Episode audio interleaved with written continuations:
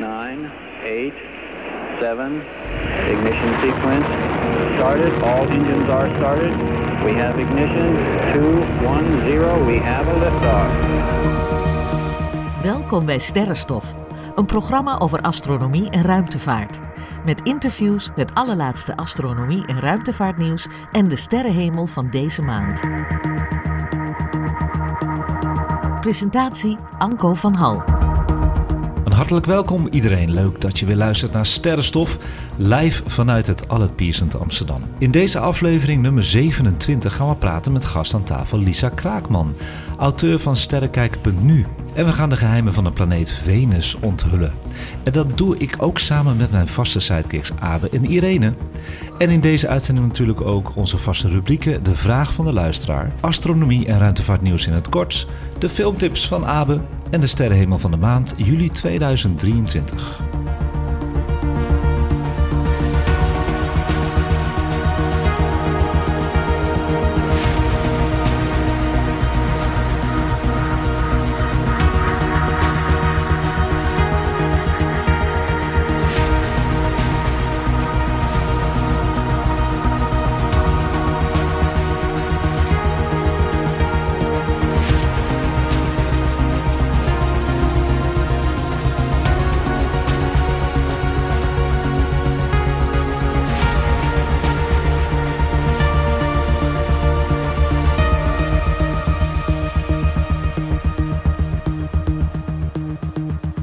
Zo, daar zijn we weer. Welkom iedereen aan tafel. Een volle tafel en publiek zelfs.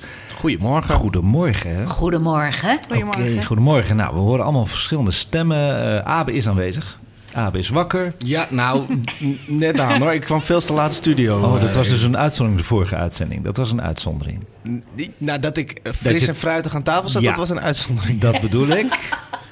Goed zo. Irene horen we ook lachen. Irene, welkom in de uitzending. Dankjewel. Ja, je- Fijn om hier weer te zijn. Dat was toch een paar weken of een paar maanden geleden dat je voor het laatst was. Niet bewust hoor. Ik Nee. schuif graag aan. En we hebben je gemist, want een mooie stem heb je.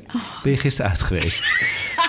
en ook hebben wij eh, speciale gast aan tafel, Lisa Kraakman. Goedemorgen, Goedemorgen. En eindelijk zit je bij mij aan tafel, Lisa. Eindelijk. Ja, jij bent beheerder en maker van de mooie website sterrenkijken.nu. Daar mogen de mensen naartoe na de podcast, vind ik eigenlijk. Welkom dus bij Sterrenstof. We proberen jou al te krijgen, al maanden, hè? eigenlijk al een jaar geloof ik. We gaan lang terug. We gaan lang terug. We hebben veel contact. We bekijken elkaar op Instagram vooral. We gaan soms uitgebreid met jou praten. We gaan eerst eventjes eh, praten over de vele reacties die ik heb gekregen over de vorige aflevering. En dan kijk ik ook even Abe aan, want Abe was daarbij. En dat was met muzikant Pieter de Graaf. En daarin hebben we enkele geluiden uit het universum laten horen. En hij had er twee uitgekozen, Abe, om daar een eh, track van te maken. Een muziekstuk exclusief voor sterrenstof. En daar kregen we enorm veel reacties over. Dat, dat, eh, had ik gehoopt, maar niet verwacht zoveel. En die reacties waren vooral: waar kan ik de track downloaden? Eh, staat het op Spotify? Waar is het uitgebracht? Nou, het is niet uitgebracht. En het wordt ook niet uitgebracht. Hij heeft er wel een titel opgegeven. Want zo populair is hij geworden. En hij heet nu Collision. Nou, dat vind ik wel leuk. Collision is een soort, eh, wat is het? Ja, een botsing. Een botsing. Een botsing. Hij blijft dus een eh, exclusieve sterrenstof track collision. En die kunnen we allemaal, eh, als je dat opnieuw wil beluisteren, bij sterrenstof 26. Dus je kan alleen luisteren als je naar aflevering 26 gaat. Aflevering 26. En dan eh, op het einde, dat zou ik je dan wel verklappen, anders moet je die hele podcast weer door. En dat vond jij heel erg, die cliffhanger. Maar op het einde van de uitzending kun je luisteren naar Collision, gemaakt voor sterrenstof. Heeft hij twee geluiden van eh, het universum ingezet die wij hebben laten horen. Wat ook heel leuk was van Pieter. Je kon de LP, de vinyl LP winnen van Pieter de Graaf, Retrograde. En dat kon je winnen door middel van je beste track, de leukste track die je vond van het eh, album, te mailen naar mij en daarbij vertellen waarom. Nou, kreeg ik die reacties zeker binnen en iedereen die zocht of koos eigenlijk een andere track uit. wat er spannend. Dat is heel leuk geweest. En Pieter, die eh, heeft dus al die reacties gekregen van mij. Hij heeft één winnaar eruit gekozen en dat is deze. Dat is eh, mijn favo-track is Quasar. Hierbij waan ik mij echt in deep space. Heel diep. Ik voel me dan een eenzame ruimtereiziger. PS, door jullie heb ik Pieter echt ontdekt. Dus ik kijk niet alleen maar omhoog, maar doe dat ook nu begeleid door middel van heerlijke muziek. Thanks. En deze is ingezonden door Remy Baten. Gefeliciteerd. Remy, bericht je adres even naar ons en Pieter stuurt je zo spoedig mogelijk de LP naar je toe. Gefeliciteerd, Remy. Gefeliciteerd. Goede reactie. Hartstikke leuk. Zeker. Voor de anderen die niet gewonnen hebben trouwens. Jullie inzendingen en verhalen waren ook fantastisch. En Pieter heeft ze allemaal gelezen en ervan gesmuld. Hartelijk dank dus namens Pieter en het team Sterrenstof. En dan nu de hamvraag altijd in het begin van de uitzending. En dat is, wat hebben jullie aan de hemel gezien van de afgelopen maand juni? Ja, ik, ik zit er maar aan te kijken allemaal. Wie wilde beginnen? Abe is eager. Oh, Ja. ehm, nou, ik heb een poging gedaan om Saturnus te zien. Dat is me niet gelukt. Eh, dus dat is jammer. En verder heb ik natuurlijk Venus gezien. Ja. En wat betreft eh, de sterrenhopen die daar omheen stonden... dacht een beetje van, oké, is, is, zijn, dit, de- zijn dit de sterren? Ja. Of is dit het... Ik, ik twijfelde daar een beetje over. Ja, dat was met de, de samenstand met Mars met de sterrenhoop en eh, Venus met de sterrenhoop. Ja. wat ik al in de uitzending zei, ik heb het ook niet gezien, want het was bewolkt op dat moment. Eh, met een verrekijker had je het wel kunnen zien. Oké. Ja, het was echt wel een verrekijkmomentje. Ja, Irene. Nou, los van Venus, wat natuurlijk altijd eh, prachtig is, vond ik gisteravond, en dan hebben we het over eh, 29 juni. Ja, Dat was wel heel mooi, die maan. Och, die was dat echt, was leuk hè? echt prachtig aan de Over de hemel. grachten van Amsterdam. Ja, het was echt schilderachtig, die maan. Ja. Heel mooi. Beetje gelig was die. Je zag Dankjewel, Anko. Eh, alsjeblieft, ja. Nou, ja, we fietsten samen door Ja. de grachten van Amsterdam. Dus Ja. ehm, heel klef. maar wel leuk. Het was een prachtige avond. Het was een fijne avond. Ja, het was nog lang onrustig in de stad. Lisa die vertelde mij, want we hebben al een beetje een, een, soort van eh, voorgesprekje gehad, dat jij niet heel veel tijd hebt om naar boven te kijken nu. Want je Niet hebt meer. net, nee, want je hebt net een kindje gehad. Klopt, ja. Twee maanden geleden. Ja, Ja. Vers. Dus eh, de nachtelijke hemel eh, is niet bij mij eh, inmiddels. nee, maar je had me wel verteld dat je ook Venus hebt gezien in ieder geval. ja. ja, ik was eh, een maand geleden of zo was ik naar een concert in Den Haag, op Ja. Malieveld. En toen reden we terug. En toen, nou ja, je kan het niet missen. Nee, dus onderweg naar huis eh, konden we er mooi naar kijken. Ja, dan hebben we ook publiek in de uitzending. Ik heb jullie echt niet vergeten. Maar dat vind ik altijd zo leuk om dat rijtje even zo af te maken. We hebben Jeroen. Jeroen is er vaker. Dag Jeroen. Hallo. Heb jij nog wat leuks gezien aan de hemel, Jeroen? Nou, Venus. Venus, hij schreeuwt het uit. Venus. En waar? In Nederland of eh, in het buitenland? Ah, dan komt hij naar de microfoon. In. Duitsland, in Bulgarije. Bulgarije. Het is eh, echt ongelooflijk. Je kan hem overal zien, zo'n beetje op de Ja, westelijke helft. Ja, klopt. We hebben ook Liz in de uitzending. Liz is de dochter van Erik, dat mag ik wel zeggen. En Erik is onze techniek, techneut. En eh, Liz, die vindt het heel leuk. Die heeft een grote koptelefoon op. En je luistert lekker mee. Kijk je wel eens naar de sterren, Liz? Ja, Ja, en wat, wat zie je altijd boven? De maan. De maan is mooi, hè? Zij zit erbij samen met eh, Jeroen. En je hebt al een stuk taart op ook, hè? Goed zo, lekker luisteren naar ons, oké? Nou, wat heb ik gezien? Nou, ik heb wat dingen gefotografeerd. Oeh. Ja, dus dat was op 4 juni Venus boven de gracht van Amsterdam. Dat was een leuk, eh, leuk dingetje, heb ik op Insta-story gezet. Op 11 juni de mooie samenstand met de Regulus van Leeuw, Mars en Venus op een rij. En op 13 juni een prachtige foto binnengat van piloot Niels... die de samenstand van Venus en Mars fotografeerde vanuit zijn cockpit. Allemaal te zien onder de juni-knop op Instagram. En dan heb ik nog een dingetje, want ik heb heel veel aandacht besteed aan de lichtende nachtwolken de vorige keer. Die hebben we jarenlang achter elkaar heel mooi kunnen zien. Lisa zit ook te knikken. Dit jaar zijn ze er niet. Dus ik krijg heel veel berichtjes van... hey Anko, eh, waar zijn ze nou? En dat klopt, ze zijn er niet. En ik ben er gaan eh, zoeken waarom ze dit jaar niet aanwezig zijn. Dat komt, heb ik gezien, dat we in een zonnevlekken maximum zitten. En hierdoor eh, kan de benodigde kosmische straling maar moeilijk tot in de aardatmosfeer doordringen. Enkele jaren geleden in het zonnevlekken minimum ging dat dus veel makkelijker. En was het bijna dagelijks raak in juni. Zonnevlekken zijn gewoon eh, plekken, bepaalde plekken op, Op de, zon, de koele plekken op de zon eigenlijk. mooi. ja. En die zitten nu in een maximum. Dus eh, ja, helaas dit jaar dus geen eh, lichtende nachtwolken. Of bijna niet. En dan zijn we nu aangekomen bij Lisa. Lisa heb ik al heel lang in de uitzending willen krijgen. Welkom. Dankjewel, dankjewel. Ehm, ik ben Lisa en ik heb een eh, eigen website sterrenkijker.nu. Dat bestaat nu eh, zeven jaar. En dat gaat over astronomie en over ruimtevaart. En ik probeer dat, eh, die onderwerpen eigenlijk te bespreken op een ja, Jip en Janneke taal, eenvoudige manier. Ja. Zodat iedereen het een beetje kan begrijpen. Eh, misschien hebben jullie zelf ook wel eens ervaren dat dit onderwerp een beetje een, een stoffig imago heeft. Eh, oude mannen met pensioen gaan ermee aan de gang. En Ik als eh, jongere dame, zeg maar, eh, niet. Ja, maar jij doet eigenlijk een beetje hetzelfde als wat wij doen. Hè? Ja. Ehm, maar dan via de website Klopt. en via social media. Eh, jij wil de dingen ook wat makkelijker overbrengen. Zodat mensen wat meer geïnteresseerd raken in de astronomie eigenlijk. En Ja. ook wat meer naar boven kijken. Ja. Je hebt elke vrijdag had je altijd een quiz Ja, op social media. Ja. En die is fantastisch. ja. Komt hij weer terug? Ja. Zal ik dat bij deze dan maar doen? Ja, die ga ik ook doorspelen naar Irene en Abe. En dat deed je zo leuk met heel veel eh, ja, eh, plaatjes erbij en goede vragen. En dan kon Ja. je, ja, kon je wat winnen eigenlijk bij jou? Of was het voor de was eer? voor de eer. Puur voor de eer, Ja. ja. Wat is het moment dat je besloot om die website te beginnen? Nou, ehm, een aantal jaar geleden, ik denk 10 of 15 jaar geleden, toen eh, heb ik een cursus gedaan bij de Sterwacht, bij mij in de buurt, de Sterwachtse Turners. En, eh, Waar, waar is dat in de buurt? In Herengewaard. Daar eh, ben ik zo'n beetje kind aan huis.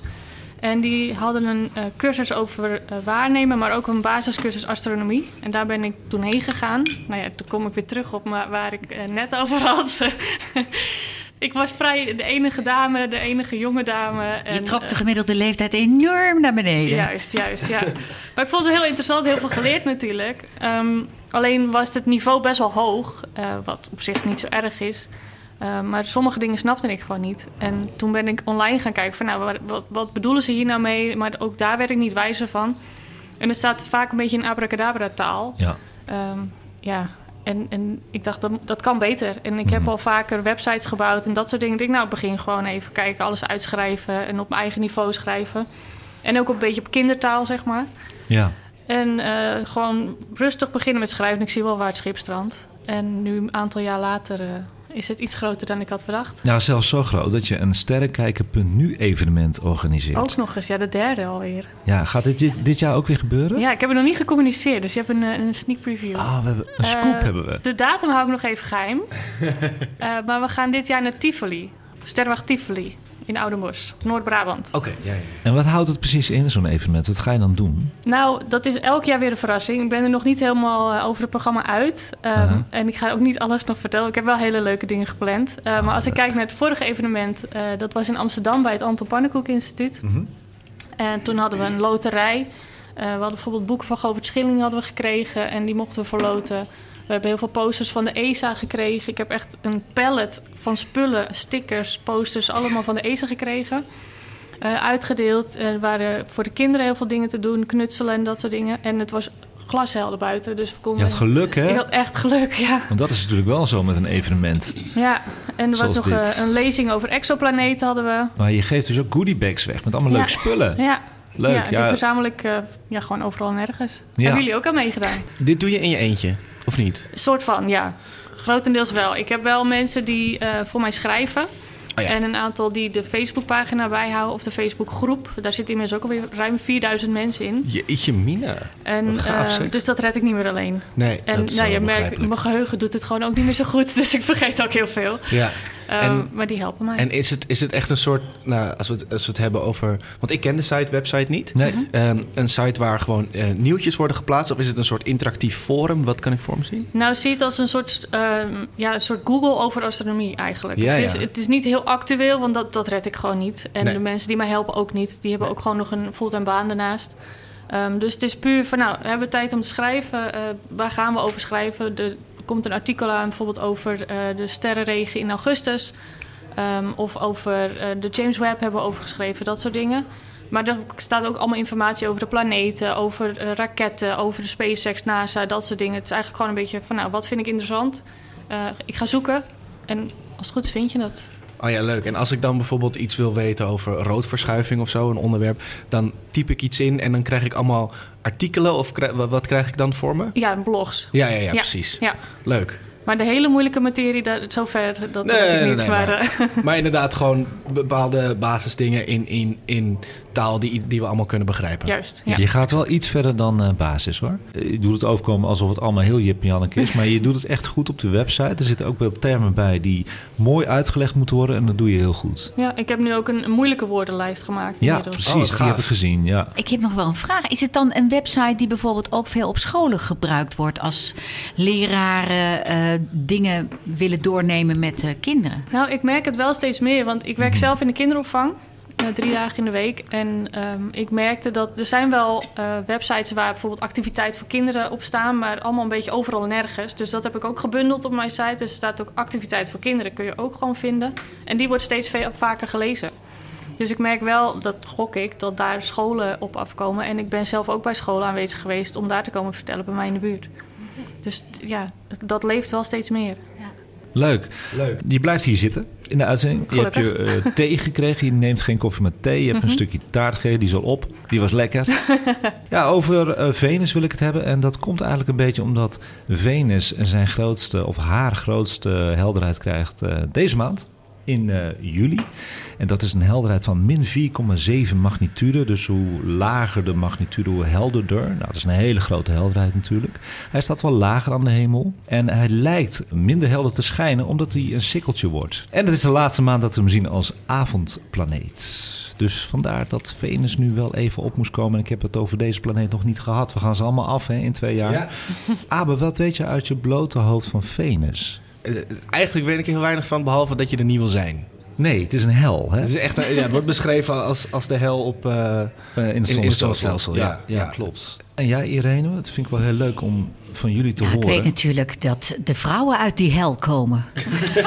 en eh, in heel veel liedjes komt Venus voor. Ja, zeker. Eh, een heel oud liedje van eh, Shocking Blue. Shocking Blue, ja. Mariska Veres, Ja. toch? Ja, I'm your Venus, ja I'm your fire. Venus, ja. Dat klopt wel. heeft Jeroen niet, niet nog iets mythologisch over, eh over Venus te beetje- zeggen? Ja, Venus is de godin van de liefde, hè? Dat is een goede fire. Over heet gesproken. Ja, de, de tegenstelling tot Mars, zullen we maar zeggen. Maar het was wel een stel eh, in, in, eh, in, in het verleden. Ja, de god van de oorlog, hè, Mars? Ja. Ja. Venus wordt ook wel eens de tweelingzus van de aarde genoemd. Eh, ja, waarom is dat? Nou ja, de grootte en samenstelling die zijn bijna hetzelfde van de aarde en Venus. Dus Venus en aarde behoren beide tot de zogenaamde aardse planeten. Wat betekent dat ze in wezen rotsachtige planeten zijn. En ze hebben vergelijkbare grootte en samenstelling. Met een vergelijkbare dichtheid en een vergelijkbare hoeveelheid ijzerkern. Dat is best bijzonder. Daarbij is de zwaartekracht op Venus, dat zou je niet zeggen, bijna hetzelfde als op de aarde. Ja, dat is 91% De atmosferische samenstelling zou je ook niet zeggen, is eigenlijk ook een beetje hetzelfde. Ze hebben verschillen in gassen, maar ze vertonen wel overeenkomsten. Beide planeten hebben stikstof in hun atmosfeer. Dat is niet bij elke planeet aanwezig natuurlijk. Hoewel de concentratie op Venus dan veel lager is dan op aarde. Maar bovendien bevat Venus atmosfeer sporen van zuurstof. Dat weten heel weinig mensen. En waterdamp en andere gassen. En op Venus zijn vulkanen, zoals op aarde. En die zijn actief. Dan heb je ook op Venus aardbevingen, net zoals op aarde. Dus tektonische activiteit. Kijk, en dan heb je natuurlijk ook de grote verschillen van Venus. Wat we allemaal weten is denk ik wel dat Venus een hele hete planeet is. Het heeft een hele dichte atmosfeer. Daardoor heeft Venus een broeikaseffect gekregen. Dat maakt Venus dus ook de heetste planeet in ons zonnestelsel. En die temperatuur, die kan ik wel even opnoemen. Schrik niet hoor, het is een temperatuur van 462 graden Celsius boven nul. Ja, dat is een, eh, een lichtend voorbeeld hoe de aarde niet moet worden. Ja. Hoe Zo we zuinig dat. met de aarde moeten omgaan, zodat wij ook niet 400, wat was het? Worden. 462 graden. 462 graden worden. Ja. Zuinig op zijn. ja. Venus heeft geen waterijs daardoor natuurlijk. Hè. Het is bloedheet. Ja. Lood kan er zelf smelten, zo heet is het. Hè. Maar ze hebben wel sneeuw en dat heet zuursneeuw. Had ik nog nooit gehoord. Op hogere delen van Venus, eh, bergachtig terrein is dat, kunnen zure sulfaten neerslaan als een soort zuursneeuw. Deze sulfaten worden gevormd door chemische reacties in de atmosfeer en vormen een uniek kenmerk van Venus. Wat voor kleur heeft die sneeuw, Ja, weet dat, je dat? dat moet wel een soort van oranje, ro- eh, rood en geel zijn. En ik moet ook even zeggen dat, kijk, eh, Venus is heel raar in rotatie. Misschien komt je bekend voor nog, Lisa. Je zit me aandachtig aan te op. Hij gaat de andere kant op, retrograde. Ja. Dus hij gaat niet zoals wij om de zon, maar de andere kant op. Daarbij is één dag op Venus duurt 243 aardse dagen. Dus heel langzaam draait hij. Wacht, één dag op Venus duurt twee... 243 aardse dagen. Wauw. Ja. Nou, dan zijn we allemaal heel jong. Ja, ja. Maar dat is natuurlijk helemaal niet gunstig voor zo'n planeet ook, hè? Want dan is het heel lang op één kant heel lang dag en heet. Ja. Maar eh, nou schijnt het zo te zijn, dat heb ik ook even opgezocht. Ik zat te denken, nou is het dan niet mogelijk dat op de nachtkant van Venus het koeler is, dat we daar kunnen gaan landen en dat we daar misschien eh, leven kunnen vinden. Maar omdat het zo heet is, wordt die hitte van de dagkant heel erg goed overgedragen naar de nachtkant. En het blijkt dus zo te zijn dat de nacht- en de dagkant van Venus even heet zijn. Echt Dat gebeurt ook bijna niet bij planeten. Wauw. Interessant, hè? bizar. heb, ik zo- heb jij dingen opgeschreven over manen van Venus of niet? Eh, Venus heeft geen maan. Geen manen? Nee. Dus het is alleen... Oh, wauw, oké. Ja, Venus heeft geen manen. Nou is het wel zo dat Venus eh, eruit zag als de aarde 3,5 miljard jaar geleden. Ja, Ja, dat is een heel spannend verhaal. inderdaad. Ja. Toen Zie je? Zie je? Dat bedoel ik. Daar komen de vrouwen Ja, vandaan. nee, nee, nee, Oh. nee, nee, nee, nee. Ik bedoel dat als we niet oppassen, wij ook eh, zo warm worden. Want zo was Venus ooit ook, zoals de aarde. Ja, Maar denk je dat dat, als dat gebeurt, ooit, ooit bij de aarde gebeurt, dat dat echt door de mensheid komt? Is dat niet gewoon het lot van, van eh, elke planeet die zich ongeveer in de green Nou ja. zone bevindt? Uiteindelijk is het een natuurverschijnsel dat de aarde ook heet wordt, omdat de zon natuurlijk eh, groter wordt en opzwelt. Ja. Maar dat duurt heel lang. Wat we nu aan het doen zijn, is natuurlijk met de mensen heel snel even die, die aarde. Maar die aarde die vecht wel terug hoor, die redt het wel. Kijk, Venus staat gewoon echt wel dicht bij de zon. Alleen kon de warmte nog kwijt toen de atmosfeer dunner was. En er is gebleken dat op Venus gewoon ook zeeën hebben ge, net als op Mars. Dus we hebben eigenlijk 3,5 miljard jaar geleden hebben we drie planeten naast elkaar gehad die bijna hetzelfde eruit zagen. Denk daarover na. Sick. Hadden we de planeet kunnen hoppen. Ja. Ja. Ja. ja, ja, Daardoor ja. is Venus is, is heter geworden. Planeet kunnen hoppen, ja. Ja, Inderdaad. toch? Ja. ja. Ja. dus Venus is heet geworden en broeikaseffect. En Mars dus koud. Die heeft zijn atmosfeer juist verloren en daardoor koud geworden. Lijp. Ja, er zijn ook vaartuigen geland op Venus. Kun je je niet voorstellen. Waarom zou je dat willen? Waarom zou je het doen? Maar ja, we zijn nieuwsgierig hè, natuurlijk als de mens. En welk land, denk je, heeft geland op Venus? Welk land heeft dat Oh. gered? Nee, India. nee. Ja, Rusland alleen maar. Ja, alleen... Ja, de- alleen de Sovjetten toen, ja. Geen Amerika. Amerika heeft eh, gedacht van, nou, dat eh, de zonde van onze apparatuur. We gaan toch gelijk kapot. En die zijn gewoon Mars gaan eh, bezitten, eigenlijk zo'n beetje. Hè? Ze zijn begonnen al, de Russen, in 1966. En de landing zelf was niet succesvol. Dus daar hebben ze van geleerd vanwege technische problemen. Toen hebben ze het eh, vier jaar later nog een keer geprobeerd, in 1970. En die landen met succes op de planeet. Het was ook de eerste zachte landing op een andere planeet. Dat heette de Venera 7. Hij functioneerde ongeveer 23 minuten. en verzamelde gegevens over de temperatuur, druk en samenstelling van de atmosfeer. Maar de Oh, Het druk, is wel weer heel interessant dat hij het wel 23 minuten lang dus gered heeft. wat ik interessant ook vind aan dit, is leuk dat je dit zegt. De zwaartekracht is hetzelfde, bijna. Ja. Maar de druk op Venus is bizar door de dichte atmosfeer. Dus er wordt eigenlijk gelijk geplet. Kunnen als mensen ook helemaal niet... Geïmplodeerd. Nou ja, door die, door, die, door, Onderzeeër. die, door die onderzeeër weten we nu allemaal wat imploderen Ja, is. het is ook druk. Ja, het is de druk van de zee. Het is een soort imploderen dan, ja, inderdaad. Er blijft niks van je over. Nou, dat ruimtevaartuigje, daar hebben ze ook weer van geleerd. Vijf jaar later ging er nog eentje. Dat is de Venera 9 en nog een keer de Venera 10. En deze hebben eh, foto's gemaakt van het oppervlak van Venus. Willen jullie die even zien? Ja, natuurlijk willen we die zien. En dan kunnen luisteraars natuurlijk ook kijken dan via YouTube. Hè. We gaan eens eventjes het boek erbij pakken van Irene. Die heb ik ooit van Irene gehad. En dat boek heet... Ik word niet gesponsord daardoor hoor, trouwens. Wel door, door Irene. Die, eh, die sponsort mij met boeken. Oh, jij hebt hem ook gehad, hè, Abe? leuk boek, Irene. Ja. Dat is een goed boek. Dat is een platenboek, een fotoboek van Jim Bell. Het astronomieboek. Is heel leuk. Nou, krijgt er geen geld voor. Lis, kom even, even kijken. Dit is het oppervlakte van Venus. Oh ja, wauw. Ja, het is natuurlijk wel een foto uit de jaren 70. Dus de resolutie is niet zo hoog. Wat je vooral ziet, wat het verschil is met ehm, Mars, is dat je heel veel leistenen ziet. Wat zijn dat? Leistenen, ja, platte stenen. Oh ja. De lucht is eh, zeer bewolkt. En ze hebben hem ook ingekleurd. Op YouTube zie je de kleuren ervan. En dat is echt wel geel zwavelachtig. Dit is volgens mij een foto uit 82. want Ze zijn doorgegaan. Hè? Ik geloof dat Rusland gewoon Venus wilde hebben. Maar ze zijn op een gegeven moment zijn ze gekapt in 1985. Ze hadden zoiets van, nou ja, dit, Dit is geen doen. dit wordt het gewoon niet. Nee, het is een onmogelijke planeet. Het is de heetste planeet van het zonnestelsel.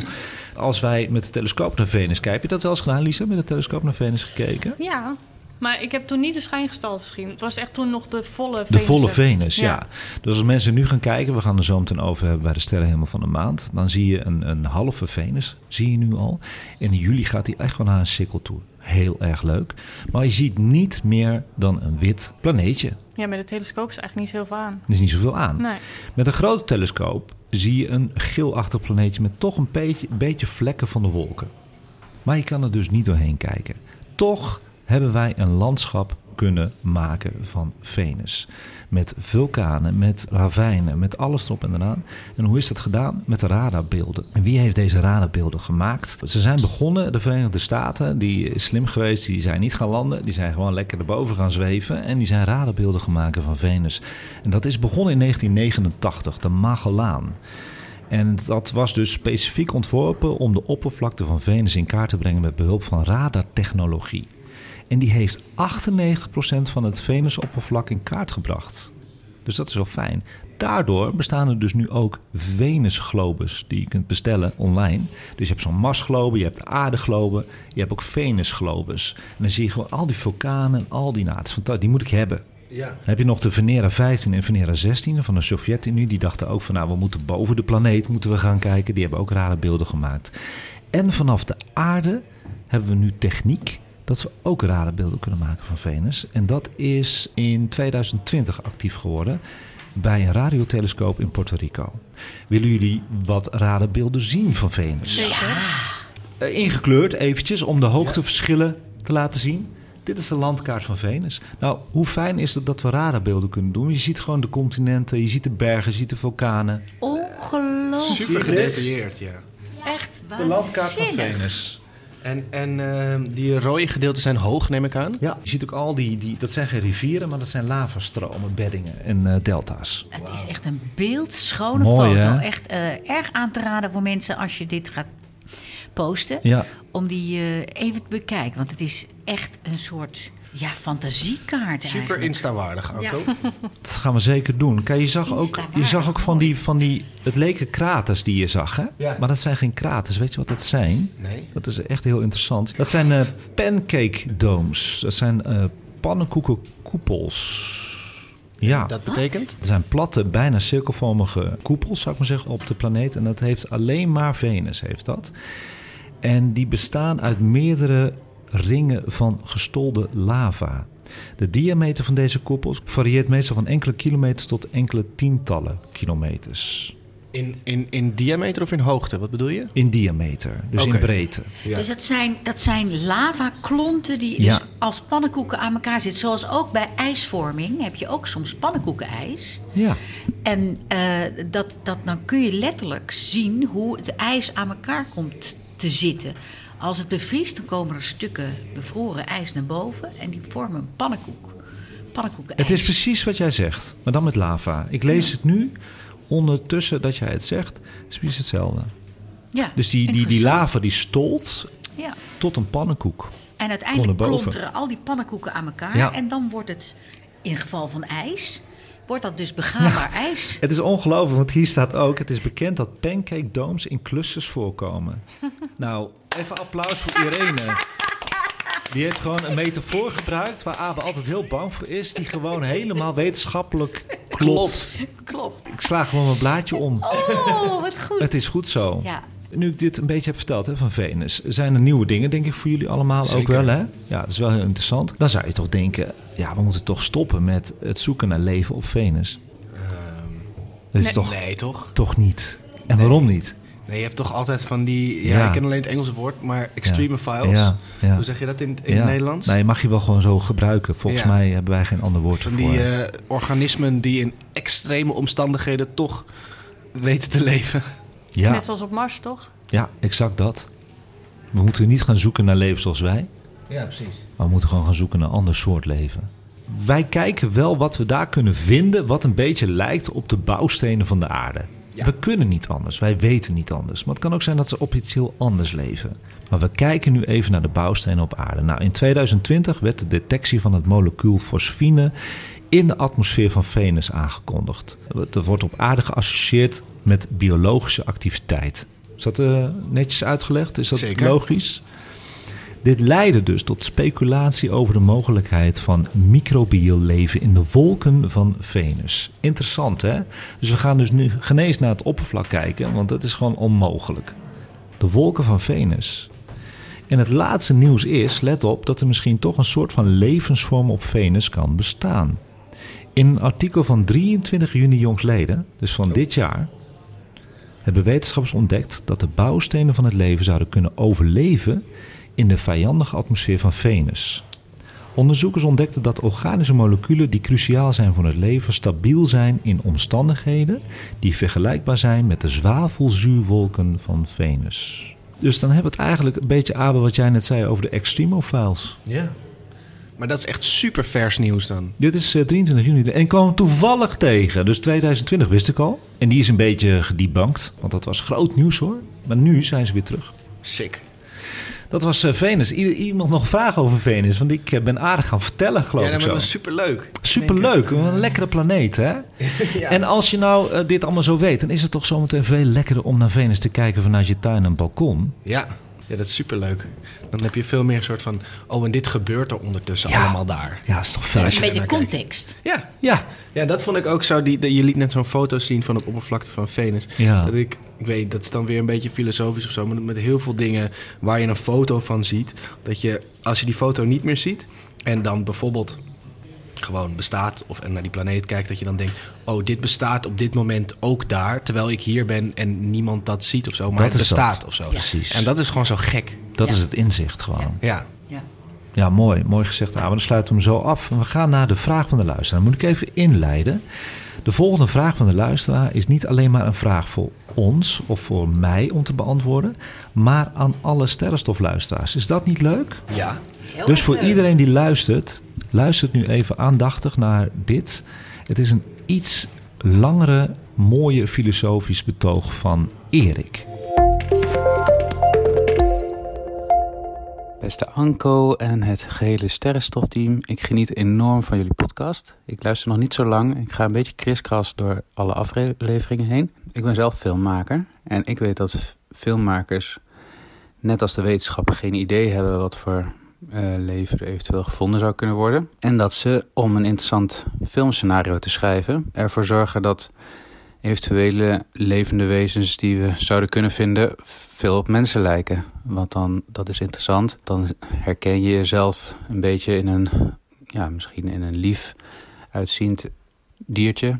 Maar ja, de reden dat we zoiets gaan vinden in het universum lijkt mij extreem klein. Ik zou zelfs zo ver willen gaan, al was het maar om het, eh, mijn stelling interessant te maken dat dat uitgesloten is. Ook omdat wij mensen zijn een wezen die eigenlijk...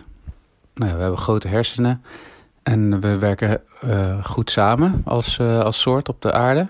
Maar dat is dankzij dat er heel veel andere dieren zijn die heel snel zijn of heel sterk of grote nagels hebben of giftig zijn. Dus dat zou betekenen dat dat hele palet ook op die andere planeet aanwezig zou zijn. Anders zou er geen reden zijn om ehm, een wezen te creëren met grote hersens. Dat lijkt me gewoon erg toevallig. Ik kan me voorstellen dat er psychologisch iets achter zit van dat je uiteindelijk het allerliefste soort kopie van de aarde ergens heel ergens anders vindt. Dat- Dat voel ik ook wel. Dat is natuurlijk hartstikke interessant. Dat is ook leuk. En eh, dat zou ook heel leuk zijn voor een filmscenario. Maar goed, dat, dat lijkt me dus heel onwaarschijnlijk. Vanwege alle toevalligheden eh, die daarbij voor nodig zijn. En ja, wat is leven? De wetenschap is er nog maar net over uit dat bijvoorbeeld schimmels leven. Bij ons op aarde zijn we nog aan het puzzelen wat leven precies is. Dus we zijn er net pas uit dat schimmels leven. En wat is intelligent? Eh, om het dan bij schimmels te houden. Schimmels zijn ook hartstikke intelligent. In Japan hebben ze schimmels eh, gebruikt om een plan voor een metrolijnen te creëren. Dat heet cellulaire intelligentie. Dus is intelligent een hersen hebben of kunnen praten, gereedschappen kunnen gebruiken of een eh, vliegtuig kunnen bouwen. Ik zou het veel eerder zoeken in extremophiles of misschien inderdaad schimmels of eh, virussen of bacteriën. Ook reuze interessant. Ook op aarde natuurlijk. Hè. Eh, op aarde vinden we ook van alles. Nieuws constant. Dus het is een beetje een filosofische kwestie. Misschien is het leuk om met eh, luisteraars een lijstje te maken van een sterrenstofleven, wat jullie willen vinden. De exacte eisen daarvoor. Dus moet het ledematen hebben, moet het ademen, moet het eh, zichzelf reproduceren, moet het ogen hebben, oren, eh, hersens, nou, noem maar op. Nou, tot zover mijn filosofische punt. Ik ben erg benieuwd. En eh, bedankt voor wat jullie maken. Maar Dus wat je- een fantastisch vraagstuk. Maar wat een mooi filosofisch Ja. vraagstuk. En ik hoef dat ook niet te beantwoorden. Ik vind het ontzettend interessant, want eh, jij zegt ook, ehm, dat vind ik een heel plausibel en fascinerend verhaal, vooral over die intelligente schimmels. Ja, dat is natuurlijk Dat is fantastisch natuurlijk gewoon leven, is dat toch? Ja. Nou ja, de basis denk ik zelfs wel. Je kent inderdaad wel toch dat, dat verhaal over hoe ze de, het metrosysteem in Japan hebben. Nou, kijk, die schimmels die, ehm, die zoeken altijd de meest efficiënte route naar waar ze naartoe willen. En wat ze gedaan hebben is de, de stations in. Volgens mij is het Tokio. Ik weet niet of het Tokio is. Laten we even zeggen Tokio. Mhm. Hebben ze eh, voedsel voor die schimmels neergelegd. Ja. En toen die schimmels daar gedropt. En toen hebben die schimmels de meest efficiënte route naar die nou ja, voedselstations in dit geval even eh, gevonden. Ja. En aan de hand daarvan hebben ze dus het meest efficiënte ehm metro-route binnen Tokio kunnen bouwen. Wauw. Dat is vet, hè? Dat is heel vet, daar heeft Erik het ook over. Ja, dat Jij is legt wat hij het- bedoelt, Jij legt het nu even gewoon uit. Dus wat denken jullie, luisteraars en beste mensen aan tafel? Wat denken jullie? Hoe moet buitenaards leven er voor jullie uitzien? Of wat betekent buitenaards leven voor jullie? Nou, voor ons denk ik aan tafel, als ik mag praten voor jullie, kan het ook microscopisch leven zijn, een microbieel leven toch? Zeker. Ja. Ja. Dus als we dit op Mars vinden, zijn we toch al blij. Dat is een goed begin. Dat is een goed begin. Ja. Maar inderdaad, eh, Erik die, die, die stelt de vraag: wat is leven? Wat Ja. denk ik een hele terechte vraag is. Ja. Is er iets bijvoorbeeld door de NASA of de ESA of eh, een, een, een, een maatschappij, ge- ge- een definitie gedaan van: Ja. als we dit vinden, dan hebben we leven gevonden? Of een soort van concrete samenstelling van woorden die definieert waar we naar op zoek zijn? Is dat niet al vastgesteld door eh, dat ehm, eh, als er bacteriën gevonden worden en schimmels, Mhm. dan is er leven? Ja. Dat is volgens mij de definitie. ja, dat zou kunnen. Ja, Nou, ze zitten zelfs zo ver te denken, dat heb ik opgezocht, dat eh, als men dus al fosfor vindt in de atmosfeer van Venus, het linkt heel mooi natuurlijk naar het verhaal van Venus toe. Een bouwsteen is eigenlijk al bijna leven voor de NASA. Zo, zo eager zijn wij om leven te vinden. De definitie van de NASA is wel dat ze zich voortplanten, geloof ik. Ja. Dus dat is wel het leven wat de NASA zoekt. ja. Maar ja, leven kan ook al, van alles zijn, hè? Voor mij is het heel veel. Maar ja, is het voor de mens voldoening om bijvoorbeeld alleen maar een fosfor-element als leven te zien? Vraag ik me af. Is het voor jou voldoening, Lisa? Ik denk dat we altijd wel zoeken naar meer. Ik denk het ook. Ik denk dat we te, nieuw- te nieuwsgierig zijn. Dat als we eenmaal iets ontdekken, dat we willen weten wat er dan nog meer is. Ja, dat denk ik ook. maar heeft het ook niet te maken met projectie? Ja, Dat wij gewoon heel graag ons willen herkennen in, eh, in, in, in materialen die eh, wellicht leven of niet leven. Maar dat is het. Wij willen ons weer herkennen, denken ons te herkennen in de gevoelens en de gedachten van een kat of een hond. Ja, We projecteren onze eigen wensen daarin op mechanismen. ja, en laten we eerlijk zijn. Als we naar een exoplaneet zouden kunnen gaan... Ja, en het is een waterplaneet met continenten. En we komen daar aan en we zien daar een soort van dinosaurusjes lopen. Dan worden, dan worden we veel blijer dan dat we moeten gaan graven voor een bacterie natuurlijk. Laten we daar gewoon eerlijk over zijn. Dat Ja. vinden we gewoon veel mooier om te zien. Maar voor mij persoonlijk is een eh, bacterie of een schimmel vinden op eh, Mars of op de manen van eh, Jupiter of Saturnus... is voor mij echt mega hot. Dat, dat is het voor mij. Dus als mensen inderdaad willen reageren op de vraag van Erik, Ja. dan, moeten ze jou- dan kunnen ze jou DM'en of mailen. Ja, via eh sterrenstofnieuws.gmail.com of via DM van Instagram. En gaan we de, de resultaten hiervan ook nog ergens terug kunnen vinden? Zeker, er komt eh, sowieso een poll. Hè, doe ik Oké, altijd leuk. een. Ja, ja, en het ja, is ja, voor, voor luisteraars veel makkelijk om dan te klikken en te kiezen. Ja, jij, jij bent er heel erg in bekend in polls en klikken. Dus die komt er zeker bij. En voor Erik is dat natuurlijk ook mega leuk. Ja, tof. Welkom bij Sterrenstof, een programma over astronomie en ruimtevaart. Met interviews, het allerlaatste astronomie- en ruimtevaartnieuws en de sterrenhemel van deze maand. Presentatie Anko van Hal. Hey Anko, heb je nog astronomie en ruimtevaartnieuwtjes? Ja, die heb ik. Ik heb er drie gevonden. Maar eigenlijk ben ik een beetje aan het faken. Want ik heb er maar twee gevonden. Want de andere is gevonden door Irene. En ze zit er klaar voor. Ja, Ja, Irene. op, eh, op, op 6 juni vond ik een eh, prachtig bericht. Tenminste, ik zag een foto en toen dacht ik dat is vuurwerk of zo. Ja? Nee, dat bleken vreemde gaslierten in het Melkwegcentrum. En die wijzen op een uitbarsting van een zwart gat. Ah. Astronomen hebben vreemde gaslierten van warm gas gevonden in de buurt van het superzware zwarte gat in het centrum van de Melkweg. Deze gaslierten, en nou komt het, Ja. zijn op weg naar de aarde. Maar er zijn er ook foto's van gemaakt. Ja, van die gaslierten echt. Dat Wat is te goed. vinden. En eh, dit zijn dus eh, eh, zogeheten filamenten. Mhm. En die zijn mogelijk ontstaan door een uitbarsting van Sagittarius. Zeg ik dat goed? Sagittarius A. Sagittarius A. Het superzware zwarte gat in het hart van, het, van de Melkweg. Van onze melkweg, ja. En deze gaslierten, dat zijn horizontale gaslierten. En die zitten vol met gas. Je hebt ook ver- verticale filamenten. Uh-huh. En die zijn gevuld met elektronen. Wauw. En eh, ja, ze zijn dus eh, op weg naar de aarde, zeggen ze dan. Maar het duurt nog even, want Oh. blijkt, dan moet ik even bekijken of ik dan niet, geen onzin zeg. Dat de slierten zich nog altijd relatief dicht bij het zwarte gat bevinden, geeft aan dat de uitbarsting waarschijnlijk slechts zo'n 6 miljoen jaar geleden begon. En ze is nog steeds in de gang, dus het duurt nog even voordat wij ze hier kunnen zien. Maar dan wel met een veel lagere intensiteit. Als ze hier langs de aarde komen schieten. Oké dan. Nou, die Irene heeft huiswerk gedaan. ja, Maar we hoeven dus niet bang te zijn of zo. wij niet, maar onze kinderen wel. Maar die foto lijkt me heel mooi om te zien. Mag ik hem eens kijken? Heb je hem bij je? Zo? ja, Ja, dat is mooi. Weet je wat ik doe? Ik zet hem op YouTube. ja. Ja. Ja, dat betekent zo'n melodietje dat we naar het volgende nieuwtje gaan. Weten jullie nog dat de James Webb is gaan richten op een exoplaneten-zonnestelsel dat heet het Trappisten-zonnestelsel? Jazeker. Ja, en die Trappisten-zonnestelsel heeft wel zeven planeten die aardachtig zijn achter elkaar.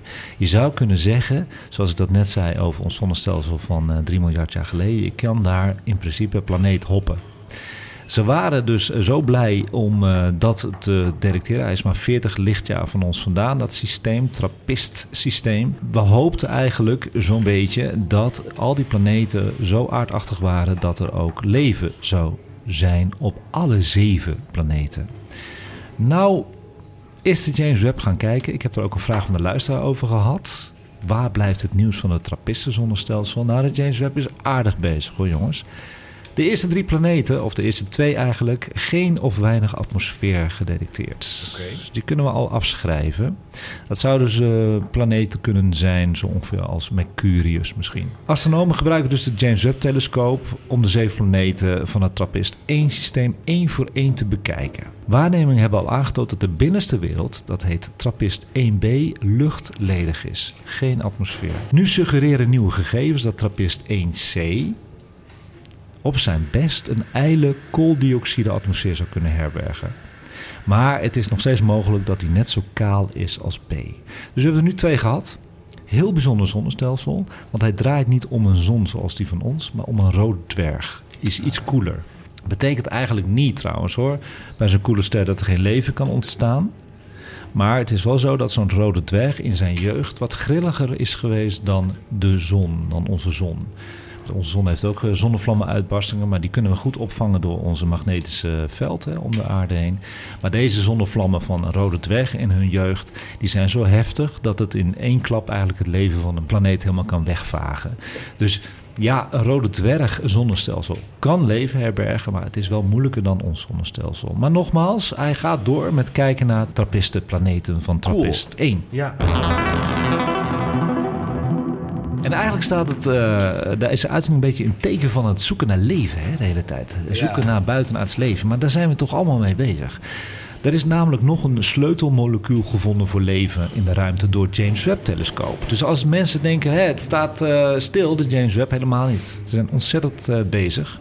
Een internationaal team van wetenschappers heeft gegevens verzameld middels de James Webb-ruimtetelescoop om voor het eerst een molecuul te detecteren dat bekend staat als het methylcation, de CH3+. En bevindt zich in de protoplanetaire schijf rond een jonge ster in de Orionnevel. Wat is nou een protoplanetaire schijf? Eigenlijk een zon met een schijf stof omheen waar planeten uit vandaan komen. Nou ja, je weet, de koolstofverbindingen in de ruimte zorgen ervoor dat de materialen voor leven waarschijnlijk overal in het heelal bestaan. Dus ze hebben zelfs daar in de Orionnevel dit molecuul kunnen detecteren. Met andere woorden, ja, eigenlijk eh, lijkt het wel, en dat had ik al altijd gezegd, Niks nieuws, Anko. dat het heelal barst van het leven, ja, jongens. tuurlijk. Ja. tuurlijk. Dan was er ook nog ander astronomie- en ruimtevaartnieuws de afgelopen maand via Sterrenstof Instagram. Die hebben we gewoon goed gedeeld. Waaronder de Saturnusmaan Enceladus herbergt fosfaten. Gaan we weer. Bouwstenen voor leven. Een maandje van Saturnus in ons eigen zonnestelsel. En de eerste ruwe infraroodfoto's van Saturnus zijn binnen. Gemaakt door James Webb. En dat zijn ruwe foto's en die waren eigenlijk al mega leuk. Ja, die waren al fantastisch. Ja, Fantastisch dat je echt denkt, oh my god, het ziet er echt zo uit. Ja. Heb je die gezien, Lisa? Nee. Oh, dan moet je echt... Lisa moet maar weer ik, naar... ik kom echt onder die steen vandaan Ja, straks. ja. Wij hebben Lisa onder een steen vandaan getrokken. Ik zit vol verbazing te Wat luisteren. een heerlijkheid voor je dat je dat nog gaat ontdekken. Ja, Ik moet drie maanden terug in de tijd. En dan, eh, nou, ik heb iets leuks voor je. Ik heb het maandelijkse nieuws, had ik altijd onder een nieuwsknop. Maar dan moet je heel veel scrollen naar het laatste nieuws, want het blijft maar staan. Ik heb nu het maandelijkse nieuws onder het eh, maandknopje. Dus gewoon onder de juni-knop. Alles wat ik release in de maand zit onder die maandknop. Dus nu, het nieuws wat ik je nu heb verteld, gewoon onder de juni-knop. Kun je gewoon eventjes Heel eh, nice. bekijken. ik ga er straks kijken. Goed zo. En wat ik altijd lekker vind, Abe, neem nog een slok. Want we zijn toegekomen aan Abe's filmtips. Oh, dat is eh, nu. Dat is nu. Leuk. Abe, Ja, here we go. here we go. Wat heb, heb, je voor eh, ons? En ik weet niks. Ik weet helemaal niks. Nee, je weet helemaal niks. Ik heb jou niks gestuurd. Nee. Ehm, dus we gaan er gewoon mee beginnen. Ik heb twee fragmenten.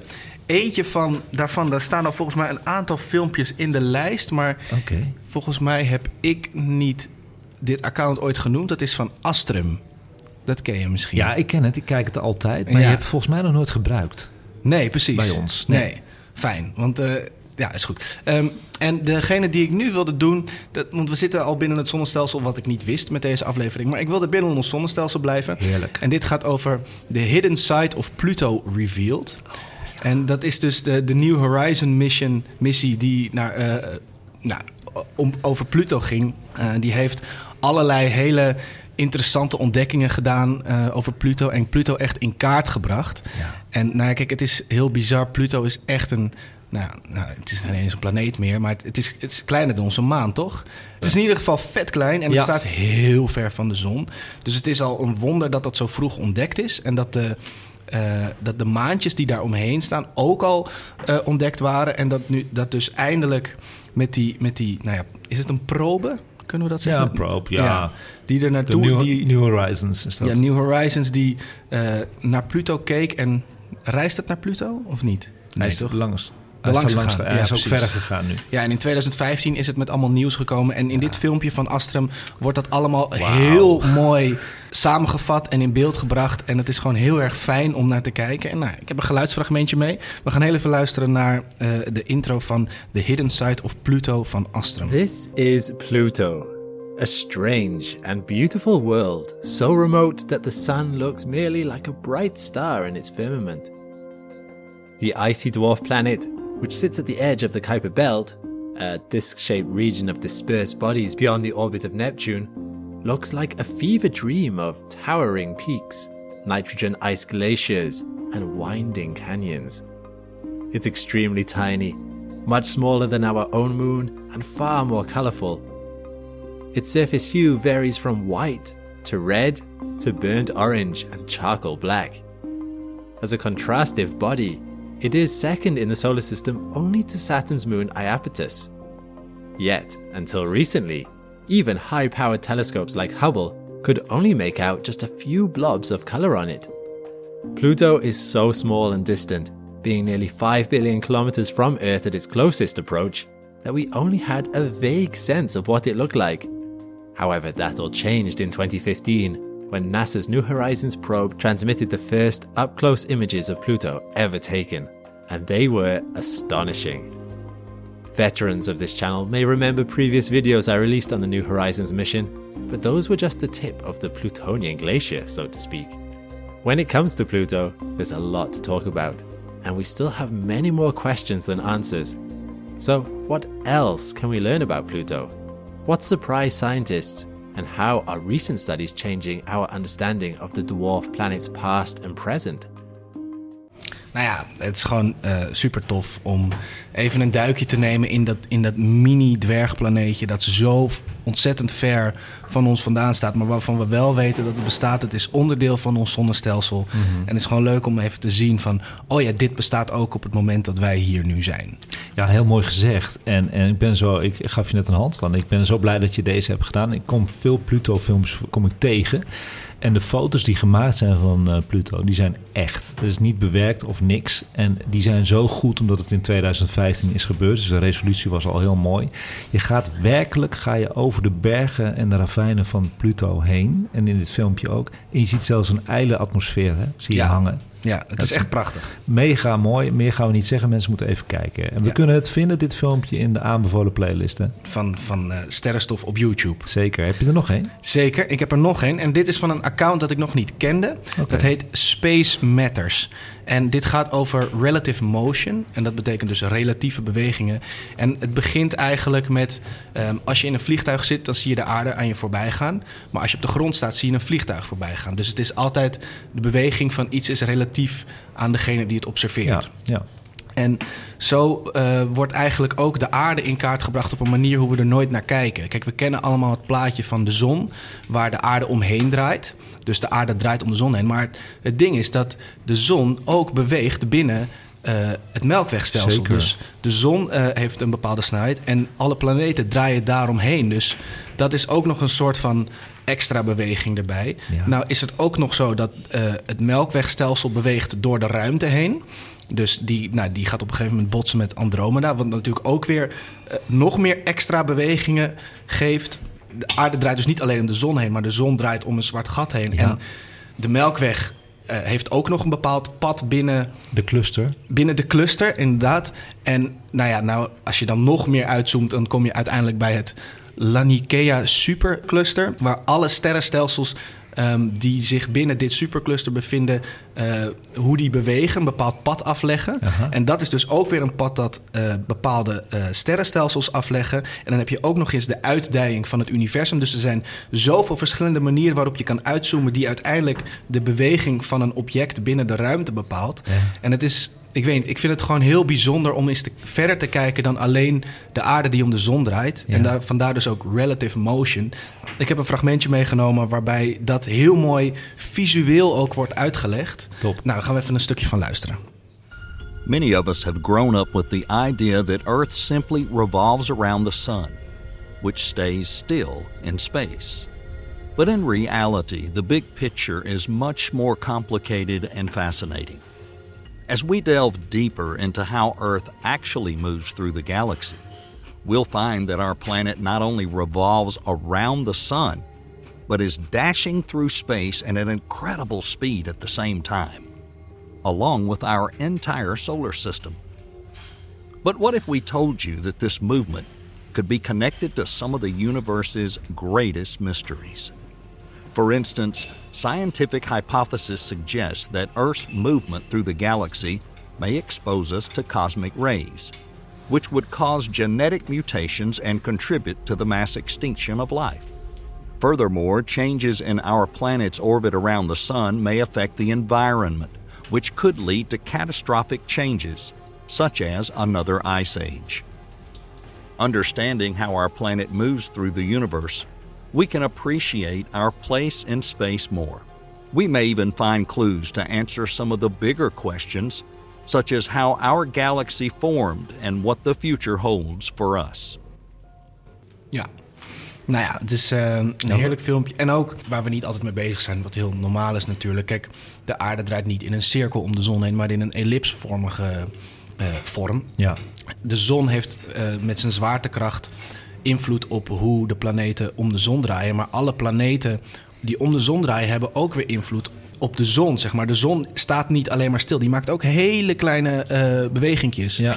En nou ja, het is gewoon tof om even stil te staan bij alle bewegingen en krachten die komen kijken bij hoe een, een, een, een hemellichaam zich beweegt door het universum heen. Wat, wat voelen jullie hierbij, eh, Lisa en eh, Irene, als je dit hoort? Ik krijg dan weer eh, het eh, planetarium in Franeker op mijn netvlies. Omdat ik denk, dat was vroeger natuurlijk... toen eh, was dat het planetarium en dat leek het universum. Ja. En daar is- zijn nu steden van planetaria omheen ontdekt. En ja, het blijft elke keer toch onvoorstelbaar... Ja, dat dat universum gewoon oneindig is. Oneindig en Oneindig. zoveel, zoveel. En die melkwegclusters, die zijn belachelijk. Ja, het is echt bizar. En bijna beangstigend gewoon. Het is zo bizar om te zien. Nou ja, we hebben wel vaker filmpjes gezien Ja. over hoe groot alles is en zo. En, maar dat je gewoon toch weer even uitzoekt. Maar dat zijn ook slierten. Hè? Het lijken wel de, de connecties in hersenen, eh, die melkwegclusters. Dat zijn allemaal van die slierten en klonten en clusters. Allemaal bij Ja. elkaar is niet te geloven. En het is, ja, dat is, ik weet niet of dit een onderwerp is voor Sterrenstof ooit, maar hij heeft het ook even over de Great Attractor. En dat is een onderdeel in het Laniakea supercluster waar alle sterrenstelsels naartoe bewegen. Wat natuurlijk heel apart is. Is er dan een of ander gigantisch zwaartekrachtmonster dat zich Nou, maar bevindt dat, daar? dat, als je dit gaat zeggen, dat beangstigt mij. Ja, dat is, het, maar het duurt natuurlijk miljoenen jaren, maar het is Ja. natuurlijk wel bizar. Nee, maar dat, er- niet, dat we kapot gaan niet. Maar meer het feit dat er dus nog iets groters, veel groters bezig is om ons eh eromheen te laten draaien. Ja, We bizar. draaien overal omheen, we draaien allemaal. En, en zelfs die melkwegklussers eh is niet het einde van het heelal. Ja, ik vind het ongelooflijk. Eh, mooie filmpjes. Abe. Dankjewel. Motion revealed, wat was het nou? Eh, relative motion. En het filmpje heet The Real Movement of the Earth Through the Galaxy. Dankjewel, Abe. Dan zijn we aangekomen tot het laatste gedeelte van Sterrenstof, waar heel veel mensen dan eh, gelukkig op wachten. En heel veel mensen altijd hun telefoon of notitieblokje dan eh, bijhalen. En dat is de sterrenhemel van de maand juli 2023. We gaan weer sterren en planeten kijken, jongens. Allemaal lekker vanuit je eigen tuin, balkon of vakantieadres. En dan gaan we naar de planeten. Oh, ze staan allemaal in aanslag. Er moet echt een YouTube-film komen, hoor. Moet je kijken, joh. En jij met je roze papiertje ook. En Abe met zijn telefoon. En Lisa, die, die, die gelooft allemaal wel. Die Nou, muziek- komt ook in mijn nieuwsbrief, dus Kijk. ik hoef het niet op te schrijven. Nee, dat is heel mooi. Dankjewel. Bij deze alvast. De planeten. Er zijn deze maand voorlopig even voor het laatst dan vier planeten met de blote ogen waarneembaar. Geniet daarvan. Mercurius is nagenoeg onzichtbaar. En Uranus en Neptunus zijn te spotten met een telescoop. De volgende vier planeten zijn dus met het blote oog te zien deze maand.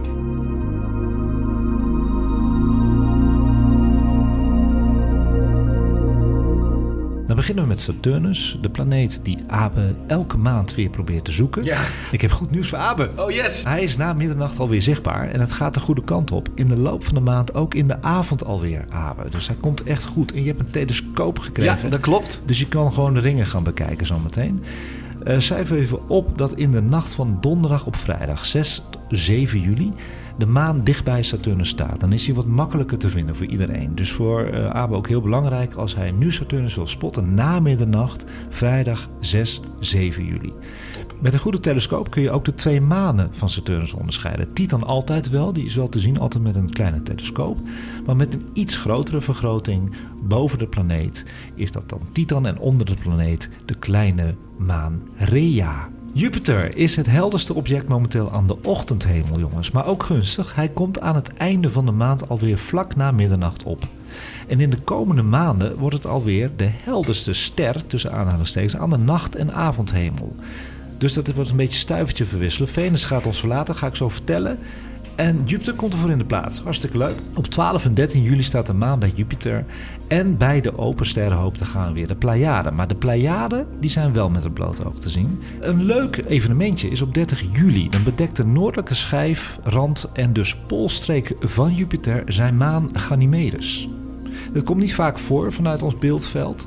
Dus misschien wel leuk om dit eens met een telescoop waar te nemen. Dat kan jij al doen, Abe, met jouw telescoopje. Dat kan je eigenlijk zelfs met een verrekijker doen. Maar ik adviseer gewoon een telescoop voor de stabiliteit. Je hebt denk ik wel een telescoop, Ik heb een telescoop. Ja, 30 juli. Leuk om te doen. Het begint om half vier en het eindigt om vijf uur in de ochtend. Dan zie je eigenlijk dat Jupiter dus een maan bedekt. Dat is Ganymedes. Je bedoelt vier uur s'nachts, hè? Ja, s ochtends. Ja. Dus een, ja, s ochtends. Dus, dus, Half vier. dus een half uurtje maar. Half vier tot vijf uur. Oh, half vier tot vijf uur. Ja. Oké, top. Ja. Zo lang duurt het omdat die schijf van Jupiter best wel groot is. En het is de noordelijke helft van Jupiter. Is leuk hoor, zo'n maanbedekking. Maar om 11 over 4 keer nog wat extra's in, dan komt het maandje Io van Jupiter tevoorschijn van achter Jupiter. Dus best wel een leuke avond. 30 juli, onthoud het. Dan gaan we naar Mars, want die gaat steeds vroeger onder. Mars is nog in de schemering te zien in het westen in juli. En dat is de eerste helft van de maand. In de tweede helft van juli verdwijnt hij in de schemering en zal hij heel 2023 niet meer aan de hemel te zien zijn. Helaas. Als uitdaging en om afscheid te nemen, voorlopig dus van de kleine rode planeet, zou je op 20 en 21 juli nog Mars kunnen spotten laag aan de avondhemel bij de maan. En dat kan makkelijk. Als het helder is, kan het echt wel. Doe dit rond half elf s'avonds. Pas in 2024 verschijnt Mars weer en dan aan de ochtendhemel. Arme Mars. Arme Mars. De laatste planeet natuurlijk die we gaan zien en waar we het de hele uitzending eigenlijk een beetje over gehad hebben is Venus. Die is nu wel op zijn helderst. Min 4,7 zei ik al. Maar hij zakt ook steeds dieper weg in de avondschemering. Mocht je nou een telescoop hebben, dan is dit dé maand om de sikkel van Venus te spotten. De diameter van de schijf is zelfs iets groter dan die van Jupiter. Maak hier gebruik van, want ook deze vertrouwde avondster is voor het laatst te zien deze zomermaand juli. Eind augustus kunnen zeer ervaren waarnemers Venus proberen te spotten als flinterdunne grote sikkel in de ochtendschemering. Een prachtig fotomoment lijkt me. Ga ik dus proberen eind augustus. Maar dat ga ik volgende maand uitgebreid vertellen hoe dat werkt. Dat waren de planeten. Dan heb ik altijd nog even een extraatje voor de sterrenhemel van de maand. Wat valt er nog meer te zien aan de sterrenhemel naast de planeten? Nou, we zitten eigenlijk heel gunstig in de meteoren. En ik weet niet of Abe, heb jij meteoren Ik gespot? net vragen. Nee, ik heb er geen, geen nee, meteoren het was ook een moeilijke maand, Ja, denk ik, daarvoor. jammer. Ja. In de zomermaanden worden meerdere meteorenzwermen actief. En de eerste zijn de Capricorniden. Later en overlappend de Aquaride Zuid. Ze pieken alle twee eind juli. Je ziet er niet veel per uur, maar wanneer je ze spot zijn ze meestal zeer helder en traag, dus de moeite waard. Omdat de zwermen elkaar dus overlappen, zijn ze moeilijk van elkaar te onderscheiden. Dus dat maakt niet zoveel uit of je nou de Capricorniden ziet of de Aquaride, dat interesseert me ook helemaal niks. Wel zijn de Capricorniden te herkennen aan hun oranjeachtige kleur. Zie een oranjeachtige, heldere meteoor? Dat zijn waarschijnlijk toch de Capricorniden. Ben je op vakantie in het zuiden van Europa? Want heel veel mensen gaan lekker de podcast luisteren op vakantie. Daar wordt het alweer wat donkerder en kun je ze veel beter spotten. Chill. Dus dan moet je, ga je daar naartoe, Abe? Ja, ik, wou, ik was eigenlijk Kijk onderdeel hem van mijn vraag. Nee, ik ga half juli vertrek ik naar Portugal. Ja, nou, Dus het is fantastisch. ja daar, daar staan ze ook wel bekend als goede meteoren hoor. Eigenlijk de beste na de Perseïde. Eind juli, blijf je eind juli ook daar? Nee, nee ik, ga naar, ik ga naar een festival en daar vertrek ik dus tot en met de, ik ben daar tot en met 27. Ja, nou zo eind juli Ja, dus wel. ja, ja. Dan kun je al de eerste Perseïden gaan spotten. Want die maximum van de Perseïden gaan 12 augustus eh, komen. verjaardag. Dat is jouw verjaardag. Je bent Sterrenkind. Een sterrenkind.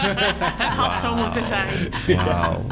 Ja, dat is de grootste meteorenzwerm van het jaar. Eh, daarover dus meer een leuke cliffhanger in Sterrenstof 28. Daar moeten we eventjes volhouden. Dat is een mooi evenement altijd. Tot zover de sterrenhemel van de maand juli 2023. Genoeg te zien, dacht ik zo. Ja, volle sterrenhemel. Leuk. Ja.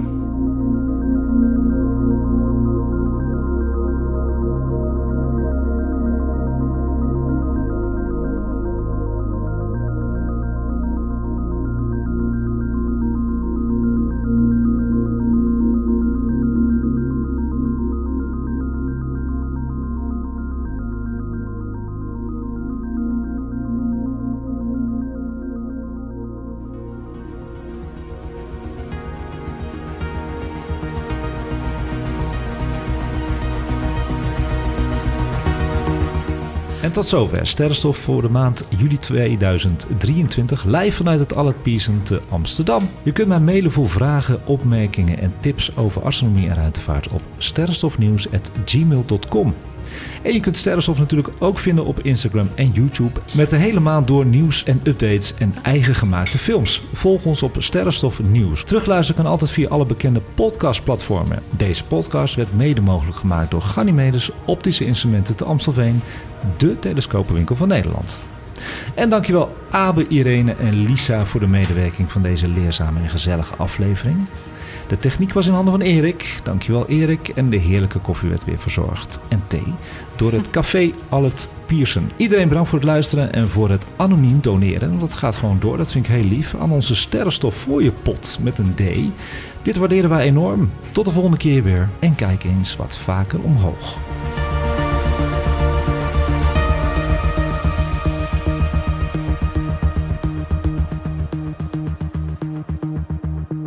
Luister jij graag naar deze podcast en wil je de maker ondersteunen voor alle moeite en toffe content? Geef dan, als je wat kan missen, een digitale fooi. Dat doe je via d.com zonder abonnement of het achterlaten van privégegevens. Dus d.com.